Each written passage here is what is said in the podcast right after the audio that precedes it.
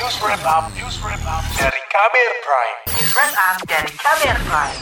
Saudara, selain vaksin yang tengah diproduksi oleh Bio Farma dan vaksin merah putih yang sedang dalam tahap pengembangan, baru-baru ini muncul vaksin Nusantara yang diprakarsai ex-Menteri Kesehatan Terawan Agus Putranto. Namun vaksin yang akan masuk tahap uji klinis kedua ini menuai kritik lantaran dinilai tidak sesuai konsep epidemiologi. Seperti apa vaksin Nusantara ini? Berikut laporan khas KBR yang disusun Heru Haitami. Rumah Sakit Karyadi Kota Semarang, Jawa Tengah akan melakukan uji klinis tahap 2 vaksin COVID-19 produksi dalam negeri, yaitu vaksin Nusantara. Vaksin Nusantara ini disebut diprakarsai oleh bekas Menteri Kesehatan Terawan Agus Putranto. Perwakilan tim peneliti Yeti Movita mengatakan vaksin Nusantara dikembangkan bersama Universitas Diponegoro dengan perusahaan asal Amerika Serikat Ivita Biomedical. Yeti mengklaim vaksin ini lebih aman lantaran menggunakan sampel dari dalam negeri. Ini buatan kita sendiri. 90% ya kitnya pengelolanya itu dari kita. Hanya memang antigen itu yang tadi kita rekombinannya kita masih uh, disediakan kita bekerja sama dengan perusahaan Ivita dari Amerika tetapi pengelolaannya semuanya dari sini. Kemudian yang kedua harganya murah ya. Jadi kalau e, nanti diperkirakan kemarin dihitung-hitung sekitar 10 US dollar di bawah 200 ribu ya, setara lah dengan vaksin-vaksin yang lain. Terus yang ketiga dia lebih aman gitu. Nah, amannya kenapa? Karena dia e, memakai dari kita sendiri gitu, memakai darah pasien sendiri, kemudian e, akan e, memicu e, tubuh sendiri untuk me, menimbulkan kekebalan.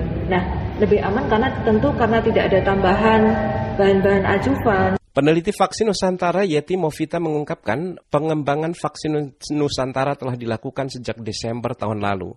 Yeti menebis keraguan masyarakat terkait efikasi dan transparansi pengembangan vaksin Nusantara. Ia mengatakan vaksin sudah dilaporkan pada Organisasi Kesehatan Dunia WHO dan clinical trial. Kementerian Kesehatan mengaku mendukung pengembangan vaksin Nusantara ini, namun pemerintah menegaskan vaksin yang akan digunakan di tanah air tetap harus melalui izin Badan Pengawas Obat dan Makanan BPOM. Juru bicara vaksin dari pemerintah Siti Nazia Tarmizi mengatakan saat ini masih menunggu laporan BPOM terkait pengawasan pengembangan vaksin ini.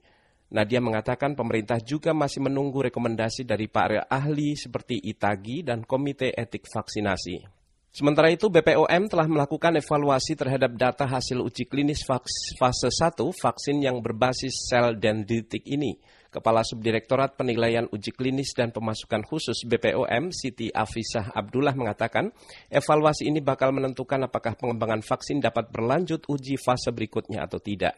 Saat ini tahapannya kita mengawal proses pelaksanaan uji kliniknya saat ini masih masuk tahap fase uji klinik fase 1 sudah selesai dilaksanakan. Saat ini eh, kami Badan POM dalam tahap melakukan proses evaluasi terhadap data-data yang disampaikan. Di sisi lain, ahli epidemiologi dari Universitas Indonesia Pandu Riono mempertanyakan konsep pengembangan vaksin Nusantara.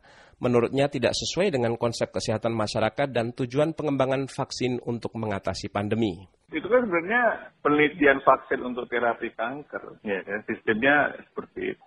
Jadi satu orang, tiap orang tuh harus diambil darahnya, terus dibiarkan dari bagian darah menjadi sel dendritik, kemudian nanti dimasukkan lagi dengan antigennya untuk masuk ke dalam orang yang sama. Apakah itu yang mau dicari kalau untuk orang sakit tertentu gampang, kemudian kan maksudnya lebih masuk akal. Kalau untuk 100, 280 juta orang yang harus divaksin aja nggak mungkin lah. Jadi itu secara metodologi aja kalau itu bisa terjadi nggak mungkin dilaksanakan dan mahal, ya kan? Jadi aneh cara berpikirnya menurut saya tidak logis, tidak sesuai dengan konsep public health dan konsep kegunaan vaksin untuk mengatasi pandemi. Pandu menyarankan pemerintah sebaiknya fokus pada penggunaan vaksin yang sudah ada dan terbukti kegunaannya. Menurut ia, apabila pengembangan vaksin Nusantara didanai pemerintah, maka vaksin itu tidak layak dilanjutkan. Laporan ini disusun Heru Haitami, saya Agus Lukman. Kamu baru saja mendengarkan news wrap up dari Kabel Prime.